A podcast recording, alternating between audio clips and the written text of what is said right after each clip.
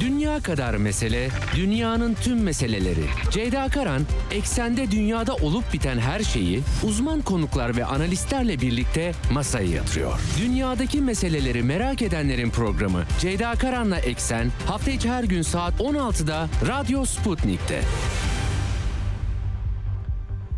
Eksenden merhabalar efendim. Dünyadan haberlerle karşınızdayız yine. Gündem yüklü. Dün Rusya lideri Vladimir Putin'in Vladimir Putin'in Federal Meclis konuşması vardı. Akşam saatlerinde Amerikan Başkanı Varşova'dan bir konuşma yaptı. Karşılıklı mesajlar verildi. Rusya Federasyonu liderinden agresif bir konuşma bekleniyordu. Daha ziyade Rusya e, halkına ekonominin öne çıktığı bir konuşma yaptı. E, dünyaya yönelik konuşmasında ise önemli bir Start 3 açıklaması vardı. Askıya aldıklarını duyurdu. Malum Amerikan yönetimi Ukrayna üzerinden e, Rusya Federasyonu'nu yenilgiye uğratıp yok etmekten bahsederken e, Rusya'nın elindeki stratejik silahları denetlemek istiyor. Bunun yapılamayacağını söyledi. Tartışmalar var bu konuda BM'ye yansıyan. Ben de size aktaracağım. Moskova'da bugün önemli bir konuk ağırlanıyor. E, dün akşamdan itibaren başlandı. E, Çin e, temsilcisi Wang Yi Münih konferansındaydı. Konferanstan e, sonra ayrıldı ve Çin Komünist Partisi'nin Merkez Komite Siyasi Bürosu üyesi, dış ilişkiler e, masasının başında aynı zamanda Politbüro üyesi Wang Yi e, bugün kabul ediliyor. Rusya lideriyle görüştü, Sergey Lavrov'la görüştü, Patrushev'le görüştü. Çin ve Rusya'nın dünyaya önemli mesajlarını e, mesajları olduğunu belirtmek e, gerekiyor. Kuzey akım ikiler meselesi terör saldırıları BM gündemine taşınmış durumda ancak tam da taşınamıyor çünkü saldırının failini çok bulmak istemeyen bir Avrupa var açıkçası. Seymour Hersh'ün makalesinden sonra tabii ki daha dikkat çekici e, bütün bu gündemlerin hepsini aktaracağım size. E, sahada bir takım gelişmeler var onları da aktarmaya çalışacağım. E, bunun dışında e, Türk dış politikası ile ilgili başlıklar var. Bugün de Almanya İçişleri ve Dışişleri Bakanları geldiler deprem bölgesini ziyaret ettiler. Amerikan Dışişleri Bakanı gelmişti. O Yunanistan'a gitti. Zaten depremin ikinci haftasında bir deprem diplomasisi olmuştu. İsrail, Yunanistan, Ermenistan, Türkiye'nin ilişkilerinin sorunlu olduğu ülkelerin dışişleri bakanları gelmişti. Ama tabii Batı'nın, Avrupa Birliği'nin, Amerika Birleşik Devletleri'nin deprem vesilesiyle Türkiye'ye olan ilgisi çok dikkat çekici. Bugün bu konuyu ele alacağız. Emekli diplomat TKP Danışma Kurulu üyesi Engin Solakoğlu konuğum olacak programın ikinci yarısında. Son dönemde Batı ile ilişkileri iktidarın gerilimliydi. Seçimlerle ilgili içeride tartışmalar eşliğinde deprem e, bir tazelemeye vesile oldu mu değerlendirmelerini alacağız soracağız kendisine. Bunun dışında e, dünyadaki diğer gelişmeleri de aktarmaya çalışacağım programın ilk yarısında sizlere. Başlamadan frekanslarımızı tekrar edelim. İstanbul'dan 97.8, Ankara'dan 96.2, İzmir'den 91, Bursa'dan 101.4 ve Kocaeli'nden 90.2 bizi bu karasal yayın frekanslarından dinleyebilirsiniz. Sputnik Türkiye'nin web sitesi üzerinden cep telefonu uygulaması üzerinden yine kulaklığı tıklamanız bizi dinlemeniz için e, yeterli. E, tanıtımı e, henüz bulamadım ama e, atacağım ben de size paylaşacağım. E, Telegram hesabından da bizi takip edebilirsiniz. Diyelim başlayalım eksene. Dünya kadar mesele, dünyanın tüm meseleleri. Ceyda Karan, eksende dünyada olup biten her şeyi uzman konuklar ve analistlerle birlikte masaya yatırıyor. Dünyadaki meseleleri merak edenlerin programı Ceyda Karan'la Eksen hafta içi her gün saat 16'da Radyo Sputnik'te.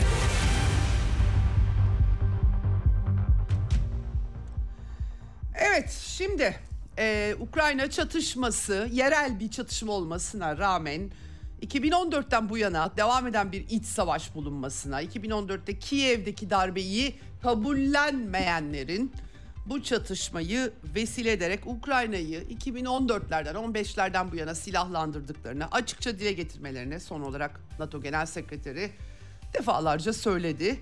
Ee, BM onaylı Minsk Anlaşması yani uluslararası hukuk niteliği taşıyan Minsk Anlaşması'nın çöpe atılmasına e, rağmen bunlar konuşulmadan hakikaten büyük gürültüler kopartılıyor. Ama tabii e, ortada şöyle bir gerçek var ki e, Amerika Birleşik Devletleri'nin e, istediği gibi vurduğu, parçaladığı Yugoslavya'dan ya da Libya'dan ya da Irak'tan ya da Afganistan'dan bahsetmiyoruz. Dünyanın nükleer güç sahibi olan bir ülkesinden bahsediyoruz. Ekono, açılan ekonomik savaş ve aktüel savaş demek lazım. Çünkü doğrudan Ukrayna bir kukla olarak kullanılıyor silahlar sağlanarak ve e, sadece bir demokrasi otokrasi ikiliği bunca Batı'da Batı'nın kendi demokrasisinin de yerle eksan olduğu bu arada ifade özgürlüğü, düşünce özgürlüğü bunların hepsi ortadan kalkmış durumda. Böyle bir ortamda e, yeni e, e, döneme giriyoruz. İlk birinci senesi 24 Şubat'ta dolacak. Öncesinde tabii ki takvim de hızlandı. E, dikkatler e, Rusya Devlet Başkanı'nın e, birinci yıl dönümüne denk gelecek şekilde dün gerçekleştirdiği e, konuşmaya çevrilmişti. Ben aktardım size e, detaylı bir biçimde.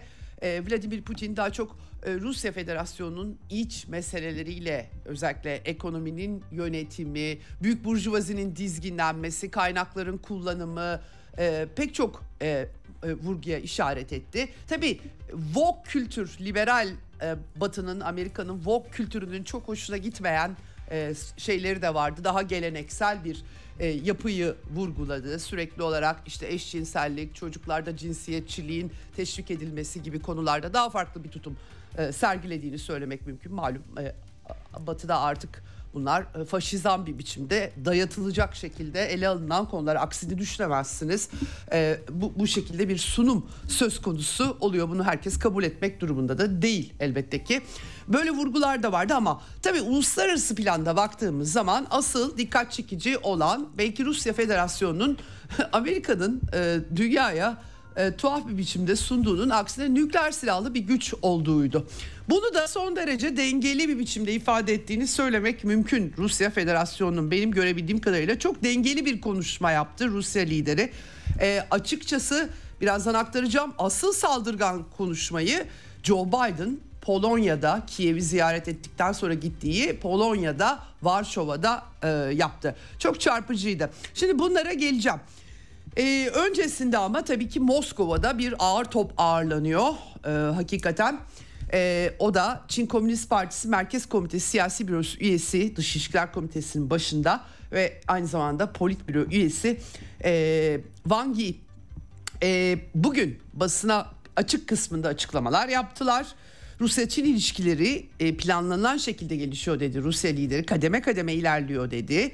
Ee, uluslararası arenada Rusya ve Çin'in işbirliğinin durumun istikrara kavuşması açısından önemine dikkat çekti. İlişkilerin uluslararası planda zor bir dönemden geçtiğini, iki kutuplu dünyanın çöküşünden sonra daha iyi hale gelmediğini, daha keskin hale geldiğini söyledi. E, Xi Jinping bekleniyor. E, zaten bu konuda bir uzlaşma olduğu anlaşılıyor. Sızmıştı da daha önce ben de aktarmıştım size. Tabii bunun dışında başka böyle batıya yönelik o silahı verirsin, bu silahı veremezsin, ben veririm sen öyle öyle laflar yok bu görüşmede. Ee, geçen yıl 185 milyar dolar Çin'le Rusya'nın ticaret hacmi 200 milyar dolarlık bir hedefe ulaşma gibi vurgular, ekonomik ilişkiler öne çıkmış gözüküyor. En azından açıklamalar, basına e, açık bölümde açıklamalar bu oldu. Görüşme sonrasında artık yarına kalacak. Wang Yi'nin de açıklamaları var. Üçüncü tarafların baskısına ikili ilişkilerin boyun eğmediğini dile getirdi. İstikrarlı bir biçimde geliştiğini söyledi. Ee, ekonomi, siyaset, kültür açısından güçlü temellere sahip olduklarını söyledi. Putin'e görüşmesi öncesinde. Uluslararası ilişkilerde çok kutupluluğu ve demokratikleşmeyi birlikte desteklememizin bir sonucu bu dedi. Yani Amerika'nın ve Batı'nın çizdiği gibi efendi köle ilişkisini dışlamak vurgusu burada açıkça görülüyor. Şöyle şu ifadeleri de bence dikkat çekiciydi. Çin Rusya ile birlikte karşılıklı güveni derinleştirmek ve stratejik işbirliğini güçlendirmek, iki ülkenin çıkarlarını sağlamak ve tüm dünyanın kalkınmasını desteklemek için pratik işbirliğini kapsamlı bir şekilde genişletmek amacıyla siyasi kararlılık ortaya koymaya hazır. Tam ifadeleri bu şekilde Xi Jinping'in de selamını iletti. Öncesinde Sergey Lavrov'la Wang Yi'nin görüşmesi vardı. Burada da aynı e, benzer mesajlar verildi. Merkezinde yüksek e, türbülansa rağmen uluslararası hukuka ve BM'nin merkezi rolüne saygı temelinde çıkarların birbirlerinin çıkarlarını savunmaya hazır oldukları vurgusu vardı. Tabii Birleşmiş Milletler deyince Amerika daha çok kendi sözünü dinleyen olarak algılıyor malum geçtiğimiz yıllarda. Mesela işte bir ülke Amerika'nın müttefiki ise BM'nin 51. maddesine dayanarak güvenlik e, sorunu tespit ettiği sınır ötesi operasyonlar yapabiliyor ama Rusya yaptığında olmuyor gibi gibi çeşitli çifte standartlar hepimizin gözünde. E, dolayısıyla BM sisteminde sıkıntılı bir resim olduğu açık belki bunun düzeltilmesi gerekiyor. Şimdi e, Wang Yi de aynı şekilde Sergey Lavrov'la görüşmesinde iki ülkenin liderlerinin e, yönelimleri sayesinde ortaklık ve stratejik işbirliği ilişkilerinin yüksek gelişme evresinde olduğunu dile getirmiş ve işbirliği potansiyelinin altını çizmiş durumda. Bir de tabii Rusya Güvenlik Sekreteri, Konsey Sekreteri Nikolay Patrushev'le görüşmesi oldu Wang Yi'nin. Orada e, benzer temalar olduğunu söylemek lazım. Patrushev özellikle kolektif batının Rusya ve Çin'in ve gelişmekte olan ülkelerin aleyhine hareket ettikleri e, ve e, bunun her yerde de görüldüğünü söyledi. Onlar o ülkelere zarar verdiklerini söyledi. Çevrelemeye çalıştıklarını Rusya ve Çin'in dile getirdi ve daha adil bir dünya düzeninden yana olduklarını kendilerinin dile getirdi. Wang Yi ise e, Patrushev'e dikkat çek yoldaş diye hitap etmiş Patrushev'e e, Wang Yi. Rusya-Çin ilişkilerinin karakter olarak olgun olduğunu söylerken de kaya gibi sağlam ifadelerini kullanmış. Çok dikkat çekici geldi bu bana. Tabii görüşmeler bittikten sonra da arkası da e, gelecek ama şimdiden Batı medyasında da yazıyor. Wall Street Journal örneğin Xi Jinping'in Rusya'yı ziyaret edebileceğini e, yazmış. E, yakın gelecek gelecekte Nisan veya Mayıs aylarından bahsediyor. Daha erkenden de bahsedenler görmüştüm. Bir de Çin'in Münih konferansı sonrası bir Ukrayna'ya da teslim ettiği bir tutum belgesi, bir barış çabası vurguları var. Bunu e, söylemiştim zaten size.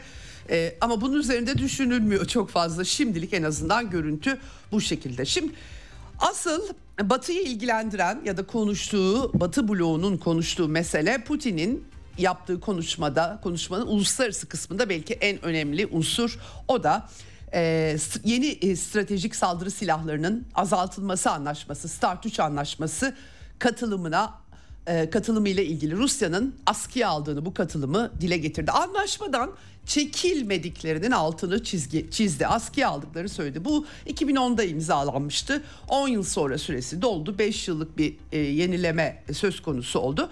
Bu arada tabii e, e, e, Donald Trump Amerika'yı çekti anlaşmadan. Çin'in de nükleer silahı var o yüzden Çin'i de katarak yapmamız lazım inadıyla. Amerika'yı Start 3'ten tamamen çıkarttı. O zaman Rusya uyarıda bulundu kendilerine. Velhasıl Trump'ın başkan seçilememesinin ardından Biden hemen göreve gelir gelmez bu anlaşmayı en azından e, müzakere edilmek üzere tekrardan uzatmıştı. Son durum buydu ve arkasına Ukrayna çatışması geldi. Şimdi açıkça her gün Joe Biden, Anthony Blinken, diğer yetkililer, NATO Genel Sekreteri Rusya'nın mağlup edilmesinden bahsediyorlar. Almanya'nın Dışişleri Bakanı Rusya'ya karşı savaştayız diyor ve durum buyken Rusya'nın Start 3 vesilesiyle stratejik tesislerine girip denetim yapmaktan bahsediyorlar. Gerçekten çok enteresan bir bakış açısı. yani e, dolayısıyla da Buna karşılık da mesela Rusya lideri biz tamamen bu anlaşmadan çıktık gittik ne haliniz varsa görün demiyor. Askıya aldık koşullar düzeldiğinde görüşülür diyor. İkinci önemli kısmı ise e, bunun Rusya'nın nükleer denemelere başlaması anlamına gelmemesi açık bir biçimde Vladimir Putin eğer Amerikalılar bir nükleer deneme yaparlarsa mesela mesela o korkunç Poseidonları falan denemeye kalkarlarsa e, onlar denerlerse biz de deneriz demesi. Biz hiç kimseyi takmadan deneyeceğiz dememesi. Bu da önemli bir nokta. Hemen tabii ki Rusya'da yasal çerçeve çok önemli. Kitabi biçimde yasalara derken uyulacak her şey hukuka, yasalara, kanunlara uygun olacak. Hemen Duma'ya sunuldu ve Duma'da nükleer silahları, silah anlaşmasının e, askıya alınması meselesinde onaylamış gözüküyor. Birleşmiş Milletler'den çağrı var. Ne diyeceğini bilemiyor tabii Birleşmiş Milletleri e, altına oyduğu için Amerika 30 yıldır. Genel Sekreterin daimi temsilcisi Stefan Duracic e, sıkıştırmaya çalışmışlar biraz kendisine. O da dünyanın en güçlü iki nükleer gücü arasında üst düzey etkileşimin devam etmesi hayati önem taşımaktadır diye ne desin bunu söyleyebilmiş yeniden yani tüm taraflarca uygulanması için görüşmelerin başlaması çağrısı yapmış. Şimdi her Allah'ın günü Rusya'yı yeneceğiz, Rusya'yı yeneceğiz diyen Stoltenberg üzülmüş bu duruma gerçekten çok komik. Efendim e, e, Putin'in kararıyla tüm silah kontrol mimarisinin çöktüğünü iddia etmiş. Çok ilginç e, bu böyle demesi. AB aynı şekilde Joseph Borrell o da Avrupa bahçesi var bir de barbar jungle'dakiler var biliyorsunuz ırkçı sözlerini söyleyip sonra da özür dilemişti e, kendisi. Hiç biz işitmiyoruz tabii ki hemen anlayışla karşılayacağız. Hoşgörülü olacağız kendisine karşı. Ne de olsa bir bildiği vardır tabii yani Avrupalı.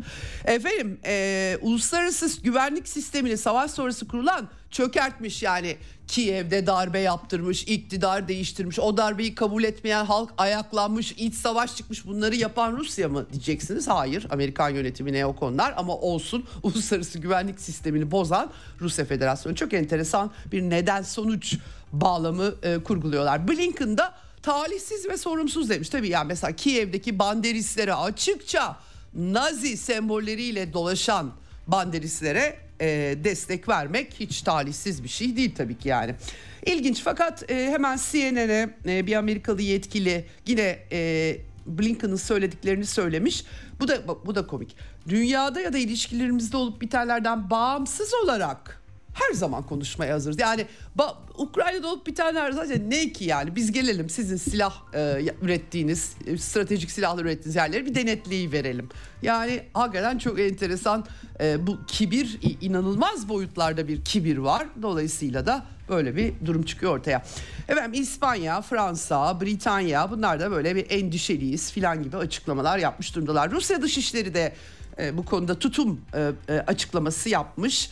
Bu açıklamada şöyle söyleniyor. Amerikan politikasının ulus, Rusya'nın ulusal güvenliğini baltalamaya yönelik olduğunu söylüyor, belirtiyorlar. Zaten Amerika'daki think tankler Rusya'yı nasıl parçalasak diye her gün benim e-mailime düşüyor. Amerika'daki think tanklerin neler üzerinde düşündükleri bunu söylemiş. E, yani Amerika ile Batı ile her zamanki gibi iş yapmak mümkün değil artık demiş. ABD'nin çabalarıyla genel gerilimin azaltılması ve yeniden bu görüşmelerin başlaması için koşulların yaratılmasının gerektiğini söylemiş metinde. Ee, ama başka vurgular var. Rusya'nın START'a ilişkin kısıtlamalara sıkı bir biçimde uymaya devam edeceği. Yani siz nükleer silah denemezseniz biz de denemeyiz deniliyor her şeye e, rağmen. Ama siz denerseniz e, mecbur biz de deneyeceğiz diyor Rusya e, Federasyonu. Evet ee, şimdi e, böyle bir çerçeve var. Ee, Kremlin sözcüsü açıklama yaptı. Ee, Rusya'nın nükleer anlaşmaya, bu START anlaşmalarına falan dönmesinin e, Batı'nın tutumuna bağlı olduğunu söyledi. Ana e, amacında nükleer paritenin korunacağından emin olmak olduğunu dile getirdi. Denetimler konusunda bir de NATO'yu katmak istiyorlar Rusya'nın stratejik silah, silahlarını denetlemek için gibi bir vurgu yaptı. Ayrıca Almanya ve Fransa'nın durumunu bilmediklerini söyledi. Kimsenin bize ders vermesini istemiyoruz zira biz de kimseye ders vermeyeceğiz dedi. Ee, böyle bir çerçeve var. Amerikan başkanı da bugün e, Doğu Avrupa'da Sovyetler Birliği'ni çökerttikten sonra muhafazakar ve sağcı ve hatta bu çatışmayla anladık ki ırkçı açıkçası Ruslara karşı Rusların temizlenmesi, yok edilmesi, e, kültürel e, olarak silinmesi gibi vurguları sürekli görüyoruz. Ukrayna'da zaten e, yaklaşık 9 milyon Rusça kitabı yaktılar tıpkı Nazileri anımsatacak şekilde. E, bu yapı tabii kendiliğinden oluşmadı. Amerika'nın e, 2. Dünya Savaşı'ndan sonra sahip çıktığı neo, Nazi liderleri koruyup kollaması CIA'nin kullandığı uzunca bir süreçle ortaya çıktı bütün bu yapılar. Doğu Avrupa dolayısıyla Batı Avrupa'dan bu anlamda ideolojik anlamda daha büyük bir Amerikan kalesi rahatlıkla diyebiliriz. İşte onların 9 e, lideriyle bir araya gelecek. Bulgaristan Cumhurbaşkanı umarım katılmıyordur. Kendisi zaten bu operasyona karşı. Polonya, Bulgaristan, Çekya, Romanya, Estonya, Macaristan, Letonya, Litvanya, Slovakya liderleri bu bunların özellikle Baltık olanları e, Rusya'nın işgal edilmesi çağrıları da açıkça yaptılar. Geçtiğimiz aylarda gördük. Biden onlarla bir araya geliyor. Zaten Biden e, dün Varşova'da Önce Andrzej Duda ile bir araya geldi. Andrzej Duda zannedersiniz yani gökten gelme Joe Biden öyle bir takım açıklamalar yapmış ki dudağım uçukladı okurken. Neyse sonuçta Biden'ın konuşması Varşova'da Cumhurbaşkanlığı Sarayı'nın önünde doğrudan Putin'i hedef alıyor. İkinci Dünya Savaşı'ndaki işgalci Nazileri filan almış. Tarihsel olarak biliyor mu? Çok emin olamıyorum Biden bütün bunları ama tabii çünkü Ukrayna'da destek destekledikleri bu Nazileri sahiplenenler açık bir biçimde. Ee, ABD'nin ve NATO ittifakının 5. maddeye kaya gibi o da kaya gibi ifadesini Wang Yi Rusya ile ilişkiler için kullanmıştı. O da 5. E, madde e, için maddeye atıf için kullanmış. Ukrayna için önümüzdeki günlerde zorlu günler diyor. E, ama her zamankinden daha güçlü e, Rus bombardımanlarından bahsetmiş. Rusya askeri hedefleri bir tek seçiyor. E, Donetsk'teki sivilleri Ukrayna nazileri gibi vurmuyor bunu anımsatalım. Yeni yaptırımlar açıklayacağını söylemiş. Rusya yok etmeye çalışmıyoruz demiş. Think tankçılardan farklı mı düşünüyor acaba diyeceğim ama bilemiyorum. Muhtemelen kaynakları daha iyi sömürmek için küçük parçalara Yugoslavya'daki gibi ayrılsa tabii ki bunu da çok dışacağını zannetmiyorum kendisinin. İmparatorluğunu yeniden canlandırmak isteyen otokrat özgürlük aşkını asla yenemeyecek gibi demog, e, demagojik bir takım cümleler var. Amerikan İmparatorluğuna meydan okuyan ülkelerin liderlerinin sonu iyi olmadı şimdiye kadar biliyorsunuz. Linç edilerek öldürülenleri de hatırlıyoruz. Efendim e, e, Vladimir Putin'in e, Finlandiya, NATO'nun Finlandiyalaşmasını sağlamayı düşündüğü gibi bir takım... E, acayip laflar da var. Onun yerine Finlandiya'nın NATO'laşması gibi. Tabii Türkiye onay verecek mi göreceğiz onu işlediği suçların bedelini ödetmekten bahsediyor yine. Efendim e, Polonya komünistler tarafından yok edildi demiş. İnanılır gibi değil. Yani bu e, Biden'ın algısı bu şekilde çalışıyor.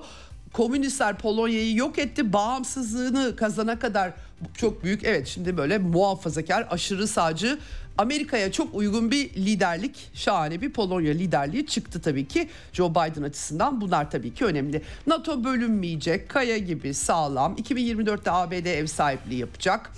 Ee, NATO ülkesine saldırı tüm NATO'ya saldırı olacak filan gibi böyle bir hani korku saçacak kendince laflar e, etmiş. Victoria Nuland acaba suçlarından yargılanacak mı darbeci olarak bilmiyorum ama savaşın tüm sorumluları dediğine göre herhalde onun da aklına gelmiş olması lazım. Evet e, Duda e, acayip böyle siz olmasanız biz olamayız Amerika olmasa mahvoluruz biz daha çok Amerikalılar gelsin. Özeti bu anmak istemiyorum söylediklerini.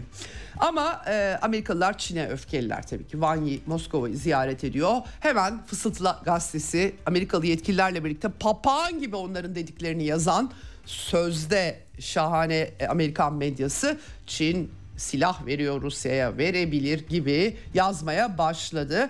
E, Çin'den tepkiler e, yükseliyor. Onlar da yanıt veriyorlar her açıklamaya. Wen Wenbin'in açıklamaları var. ABD uluslararası kuralların ve düzenin bir numaralı sabotajcısıdır dedi Wen Wenbin. Çinli Dışişleri Sözcüsü. Hegemonya uluslararası kurallara ve ilişkilere yaklaşımın ayırt edici bir özelliğidir. Amerika'nın yaptığını görüyoruz dedi. Ukrayna'daki savaşın en büyük silah kaynağının Amerika olduğunu söyledi. Yani siz silahları boca ediyorsunuz ama biz Rusya'ya silah mı veremeyeceğiz?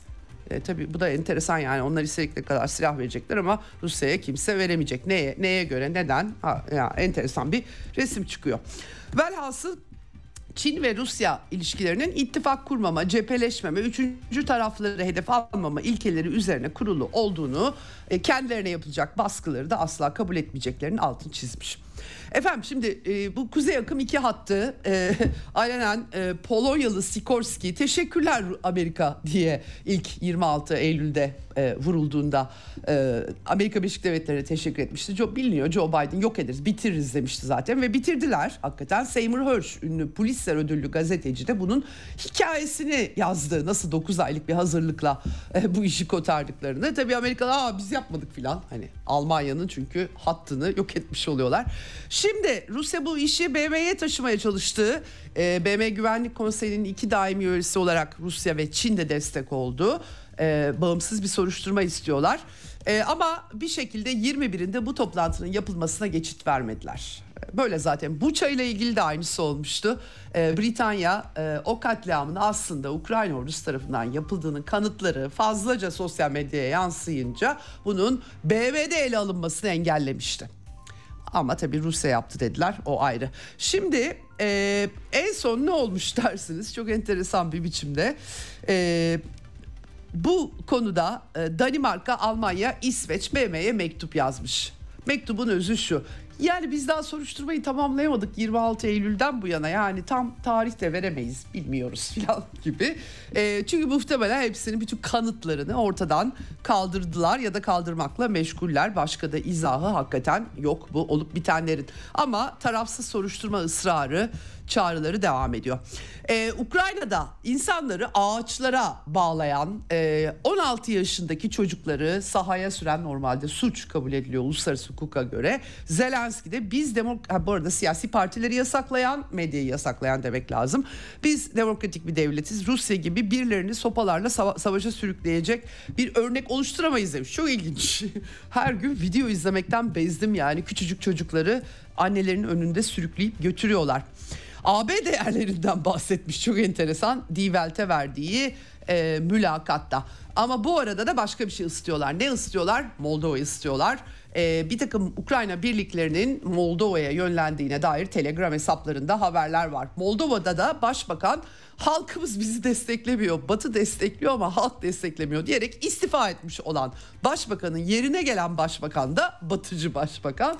O da efendim Rusya bizde darbe yapacak gibi açıklamalar eşliğinde e, Sovyetler Birliği çöküşünden sonra orada bulunan o, dönemden beri bulunan Transnistria bölgesindeki Rusya barış gücünün çekilmesini talep etmiş vaziyette.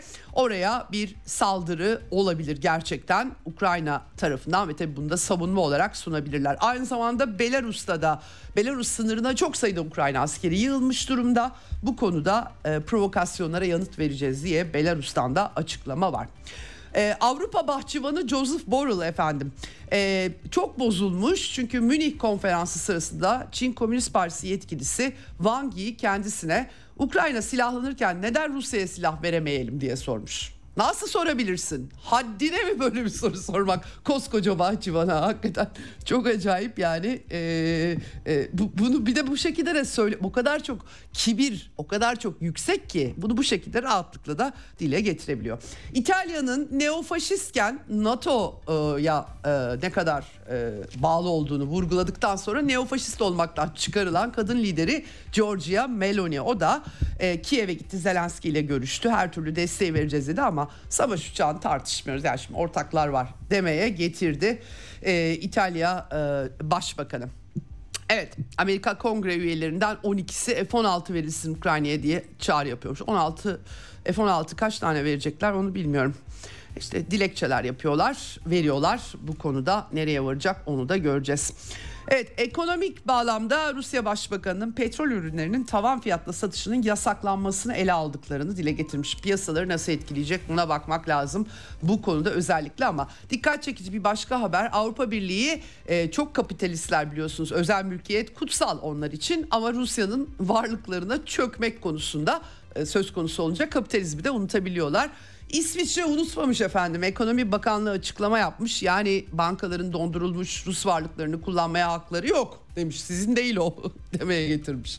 İlginç bir biçimde. Ee, bu, e, e, bu bu konuyu ayrıca özel olarak işlemek lazım bir gün. E, hakikaten tuhaf. E, e, sıkıntı şu ki Bloomberg Avrupa Birliği Rusya'nın varlıklarına el koyup istediği gibi harcamak istiyor ama nerede olduklarını tam bilemiyor. Hangi bankalarda ne kadar var bilemiyor diye de bir haber yazmıştı. Hindistan efendim Dışişleri Bakanı Jay Shankar açıklama yapmış. Valla öyle Ukrayna sizin dediğiniz gibi basit bir konu değil. Karmaşık bir konu demiş kendisi. Ee, Hindistan'ın petrol bakanını da geçenlerde izlemiştim. Ee, hakikaten e, bir sunucuya batılı sunucuya ders verir gibi biz gayet rasyonel tavır, tavır alıyoruz enerji alımlarında. Size mi soracağız demeye getirdi açıkça. Şimdi Eylül 2023'te Delhi'de G20 zirvesi var ve öncesinde Hindistan e, öyle Maliye Bakanları toplantılarında Rusya'ya yaptırım maptırım olmaz bunlar konuşulamaz diye de tavır almış durumda. Ve son olarak Trump'a aktaracağım konuma dönmeden. ABD Başkan ABD'de 2024 Kasım seçimleri var. E, Trump da e, kam aday olmuş durumda. E, Florida'da miting yapmış ve orada demiş ki ben seçilirsem birkaç saat içerisinde bu savaşı bitiririm. Amerika'da gösteriler oluyor giderek. Amerika'da e, altyapı dökülürken 100 milyar dolar askeri olarak 30 milyar dolardan bahsediyor. Ukrayna'daki e, Rusya'ya karşı verilen savaşa akıtılıyor. Dolayısıyla e, ve bu arada da Trump demiş ki 3. Dünya Savaşı hiç bu kadar yakın değil. E, derin devlet, e, Dışişleri Bakanlığı ve tüm savaş kışkırtıcıları ve küreselciler e, bütün e, Amerikan devletini bunlardan temizlemek, Straussçulardan temizlemekten bahsediyor. Ben başkan olsaydım da bunlar olmazdı demiş efendim. Evet böyle bir çerçeve var. Şimdi geçelim Türkiye'ye ve e, konuğuma telefon hattının diğer ucunda Engin Solakoğlu var. Emekli diplomatımız aynı zamanda kendisi Türkiye Komünist Partisi Danışma Kurulu üyesi. Hoş geldiniz yayınımıza. Hoş bulduk Ceyda Hanım. Çok teşekkür ediyorum katıldığınız için efendim. Ee, karışık bir dünya tablosu var. Ee, o onu diyor, bu bunu diyor. Onları aktarmaya çalıştım elimden geldiği kadar. Ama bir de tabii Türkiye'nin e, e, buradaki durumu var. Deprem felaketinden ya da deprem de tek başına felaketi karşılamak için yeterli tabii tekrar felaket dememe gerek yok. Deprem e, ağır bir depremden geçmiş e, Türkiye. E, Batı ile ilişkileri bozulmuştu Ankara'nın ama öte yandan da önemli bir stratejik e, konum olduğu için Türkiye'nin tümüyle ilişkiler de çöpe atılamıyordu. Biraz herhalde iktidar değişikliğine bakılıyordu. Şimdi bir de deprem geldi üzerinden. Ee, çok yoğun bir batı diplomasisi görüyoruz. Ee, Amerikan Dışişleri Bakanı iki yıl boyunca hiç gelmedi Türkiye'ye. Hatta yeltenmedi bile. Depremden sonra e, kendisini gördük. E, Avrupa Birliği, Almanya'dan heyetler var. E, genel olarak bir Batı'nın ilgisi var. Siz nasıl değerlendiriyorsunuz e, Batı'nın şu dönemde, şu koşullarda Türkiye'ye olan ilgisini öncelikle? Ee, öncelikle e, Ceyda Hanım hepimize geçmiş olsun. Hepimizin başı Teşekkür. sağ olsun. Çok, evet. çok ağır bir felaket yaşadık. Evet. Hani bu ağır felaket hala da devam ediyor aslında. Ee, Evet. Dolayısıyla insan bazen zorlanıyor. Yani bu analizleri yaparken hani soğukkanlı olmak gerekiyor ama Elbette. bir yandan da her birimizin şahsi ve genel acıları var. Şimdi o çerçevede baktığımız zaman yani siz de girişte belirttiniz. Şimdi Türkiye yapısal olarak baktığınızda zaten Batı İttifakı'nın bir parçası.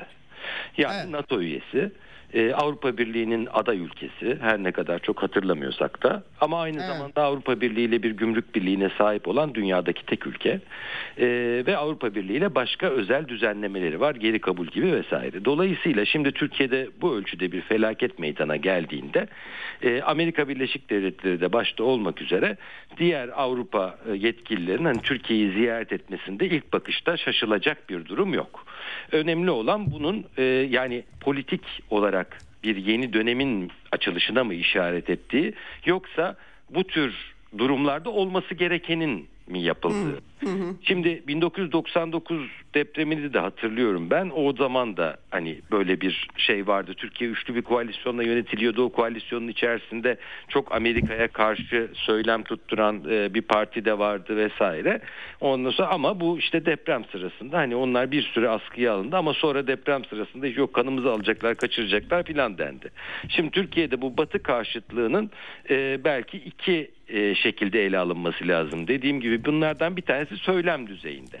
Şimdi bugünkü iktidarın, Türkiye'deki iktidarın söylem düzeyinde bunu zaman zaman örneğin İçişleri Bakanı kanalıyla vesaire yürüttüğünü görüyoruz. Ama o ne zaman böyle bir şey yapsa Savunma Bakanı da telafi edici bir mekanizmayı Evet. devreye sokup Amerikalılarla görüşüp olayı toparlıyor. Yani şimdi dengede giden bir uzak e, ilişki var. Yani ama bu uzak ilişki tekrar ediyorum Türkiye Cumhuriyeti'nin mevcut haliyle Batı ittifakının bir parçası olduğu gerçeğini henüz değiştirmiş değil.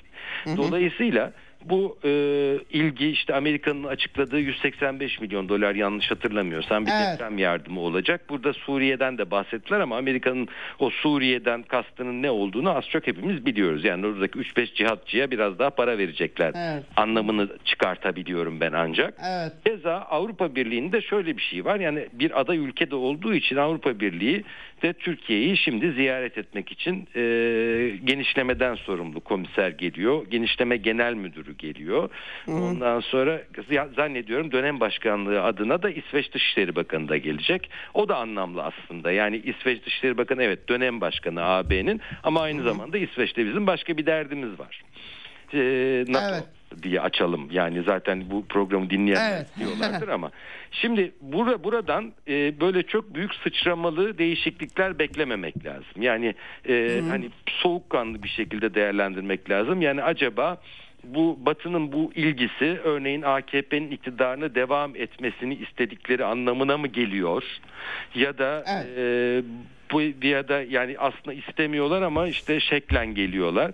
Ya bunun arasında çok fazla derece var, merhale var. Bunların hepsinin bir toplamından belki bahsedebiliriz. Dolayısıyla yani şimdi eğer önümüzdeki dönemde bir seçim de olacaksa seçim olsun olmasın, iktidar değişsin değişmesin Türkiye Batı ittifakının kaybetmek istemeyeceği kadar büyük bir lokma. Yani onu başkasına yedirmek şu anda da yani benzetmemi mazur görün yaralı bir e, canlı gibi biraz da can çekişen bir canlı gibi hem kamu idaresi bakımından hem de ekonomik bakımdan bir vulnerable dediğimiz bizim yani kırılgan hale gelmiş bir ülke. Şimdi kırılgan hale gelmiş ülkeyi başka birisine kaptırma riski büyür. Dolayısıyla orada zaten hani kendisini bu ülkenin sahibi olarak gören Batı ittifakının buna belirli bir ilgi göstermesi, Normal. ölmeyecek kadar ayağa kaldırması beklenmelidir. Hı hı, evet. Burada as- E, Ha, Ama pa- çok özür diliyorum lafınızı kesmiş olmayayım. Hani e, önemli bir şey de söyleyecek olabilirsiniz. E, Blinken'ın ziyaretinde çok açıkça e, bir İsveç-Finlandiya pazarlığı oluştu. Ama e, şimdi dünya da Türkiye'ye bakıyor. Bu, bunu soruyorum çünkü bir değişiklik olabilir mi diye herkesin bir beklentisi var. Yani e, Ukrayna çatışmasının yarattığı bir uluslararası ortam var. Bu ortam biraz tabii ki sebebiyet veriyor e, bu duruma ve Batı'nın da e, geçmişten biraz daha farklılaşmış tavrı e, biraz sebep sebebiyet veriyor. Genel olarak Türkiye'ye bakınca böyle çok anti-emperyalizm filan e, tespitleri yapılabiliyor. Hani bir direnç sergilenmesi filan böyle şeyler de söylenebiliyor. İşte mesela İsveç, Finlandiya bu yüzden önemli. Türkiye NATO üyesi ama e, e, ba- ba- baktığımız zaman Türkiye'nin pek çok alanda uyguladığı politikalara aykırı e, politikaları var Batı'nın. Ya da bir zamanlar ortaklaşa Suriye projesi yapılmışken orada ayrımlar oluşmuş. E, dolayısıyla ortaya koşullar e, e, sürülüyor ve bu da bayağı bir kullanıldı. Yani neredeyse işte bir yıla geliyoruz, bir yıla doğru koşuyoruz.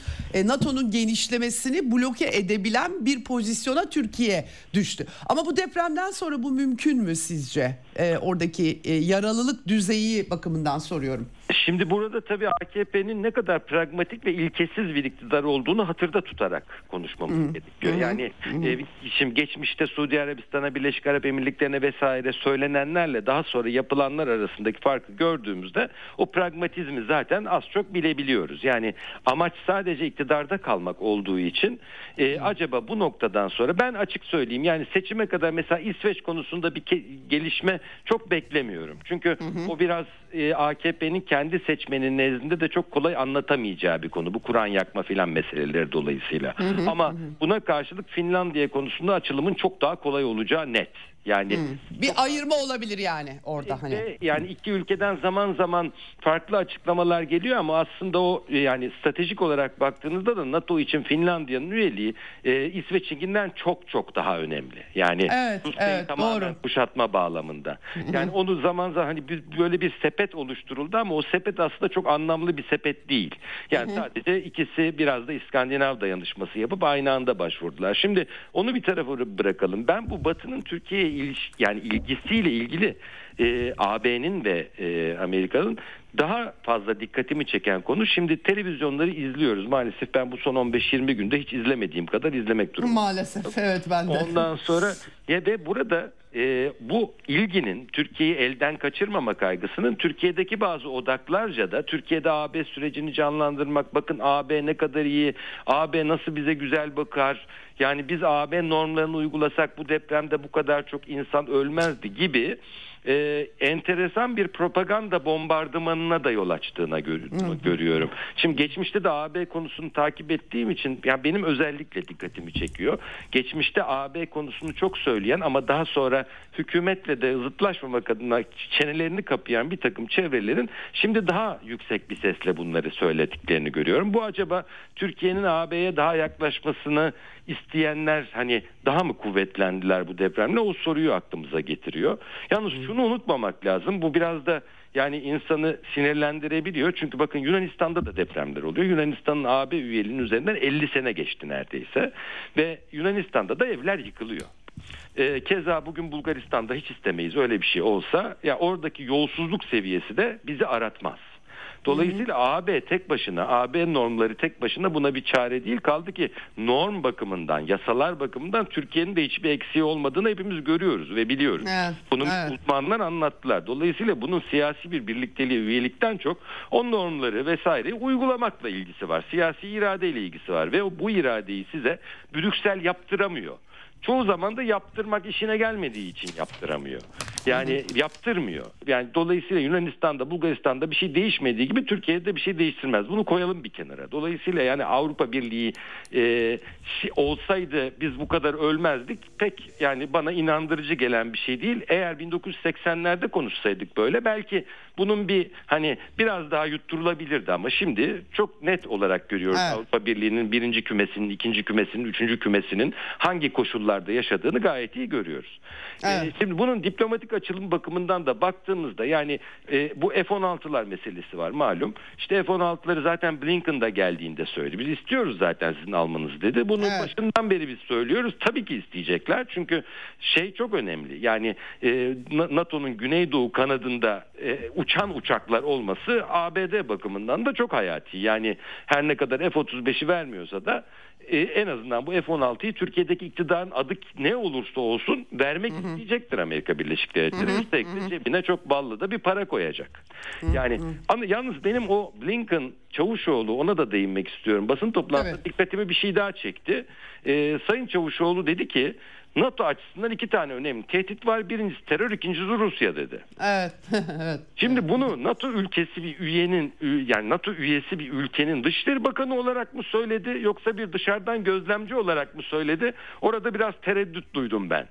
Yani şimdi eğer biz de bunu böyle görüyorsak e, yani Rusya ile olan ilişkilerimiz pek ya öyle bir izlenim vermiyor. Yok eğer bu Evet.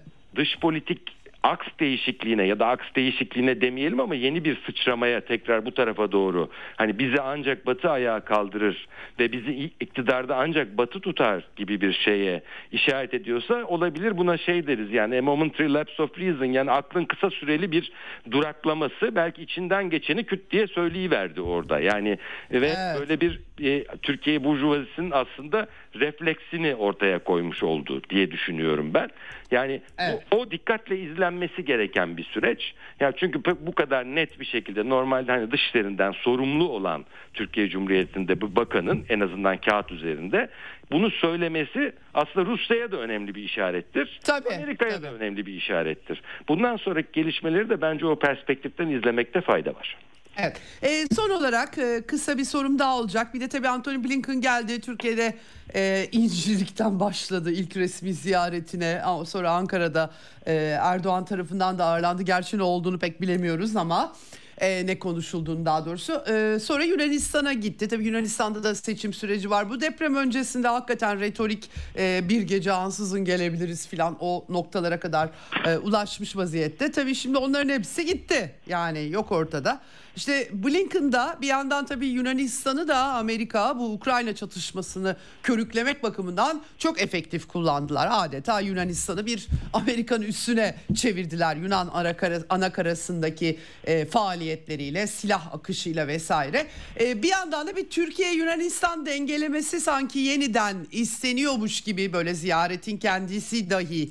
E, bunu nasıl görüyorsunuz? Yani Blinken'ın oraya gittiğinde e, verdiği mesaj iki ülkede de seçimler var aman tırmandırmayın. Çünkü silah da kalmadı. Aslında halkların da değil bu yani. bu deprem ne Türk ne Yunan halklarının e, bu işle e, ilgisi olmadığını bir takım elit çevreler ya da siyasetçilerin böyle politikalar çizdiğinde göze soktu e, bir yandan ama hani e, klasik bir diplomatik söylem mi bu yoksa e, arkasında nasıl bir e, dış politika perspektifi e, görebiliriz? Şimdi e, yani burada e, şimdi samimiyetten ne kadar bahsedebiliriz diplomaside aslında bahsedebiliriz. Tabii. Ama e, Blinken'ın söyledikleri büyük ölçüde e, e, içten yani daha doğrusu aklın gerektirdiği şeyler. Şimdi tabiatıyla Rusya ile bir savaşa girmiş olduğunuz bir dönemde e, NATO'nun güney ve güneydoğu kanadının iki tane önemli üyesinin kendi içerisinde çatışmaya girmemesini Girmemesi. umarsınız. Evet, Kaldı evet. ki siz İncirlik'ten bahsettiniz. Yani Yunanistan'da yapılan silah yığınağı tabii önemli Rus Rusya e, tarafı özellikle Romanya ve şimdi Moldova'daki duruma da baktığımızda yani o Dede Evet. Art'ın konumu vesaire ama tabii bir de İncirlik diye bir şey var. Arada bir unutuyoruz biz onu. O e, İncirli'ye inmesi Blinken'ın ya da oraya gitmesi zaten kendi toprağı diye gördüğü Evet. yerler. Evet. Şimdi e, öyle olunca tabii orada bir takım mesajlar verdi ama orada da benim bir şey dikkatimi çekti. Başbakanla görüşmesi yani Blinken daha normal hani hatta e, Yunan makamlarına da çok teşekkür etti Türkiye'ye verdikleri destekten dolayı onları tebrik etti vesaire. Fakat sonra Dendias'la yaptıkları ortak basın toplantısında Yunan Dışişleri Bakanı ile yapılan toplantıda Yunan Dışişleri Bakanı e, verdi veriştirdi Türkiye'ye. Yani orada öyle bir e, deprem diplomasisi, deprem dostluğu filan gibi bir şeyin kalmadığını gördük.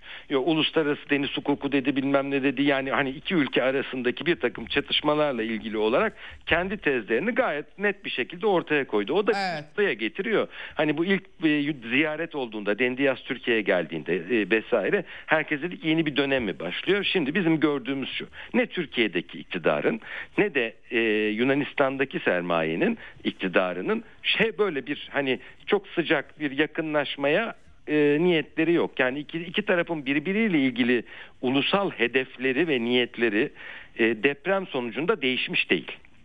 Yani evet. onu bilerek hareket etmek lazım. E, dolayısıyla yani ama şeyin yani Blinken'ın orada söyledikleri bana göre Amerika'nın samimi arzusunu yansıtan bir şey. E, elbette yani biz karşı mahalleyle dövüşmeye gideceğimizde kendi mahallemizdeki çocukların birbirleriyle kavga etmesini istemeyiz. Evet. Evet. E, evet. çünkü zayıflatır o bizi. O yüzden onu da öyle değerlendirmek daha doğru olur diye düşünüyorum. Peki. Çok çok teşekkür ediyorum değerlendirme için. Çok sağ olun. Ben teşekkür ediyorum. İyi yayınlar diliyorum Ceyda Hanım. Sağ olun. Evet emekli diplomatımız Engin Solakoğlu ile konuştuk. Biraz deprem sonrası oluşan ortam. Amerika'nın, Avrupa'nın Türkiye'ye yoğun ilgisi. Ee, ben tamamen subjektif olarak söylüyorum. Yani gerçekten ben e, 99 depreminde Amerika'yı sahada gördüğümü çok net hatırlıyorum. Araba kurtarma ekipleri şu bu derken. Bu sefer yoktular. Tabii lojistik olarak destek verdiler. Vermeye de devam ediyorlar ama hani depremde çok görünür bir Avrupa ya da Amerika varlığı e, dan ziyade işte e, Çinliler, Ruslar, Tayvanlılar, işte dünyanın dört bir yanından Yunanistan, İsrail onları gördük. Ama sonrasındaki bu yardım meselelerinde tabii ki onlar da e, nitekim Almanya Dışişleri Bakanı da Türkiye'ye e, gelmiş durumda.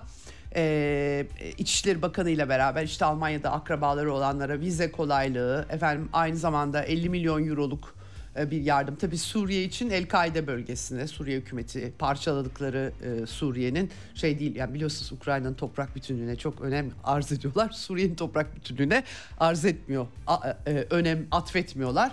Öyle onların e, e, üstelik de El-Kaide bölgesi olması bir şey değiştirmiyor.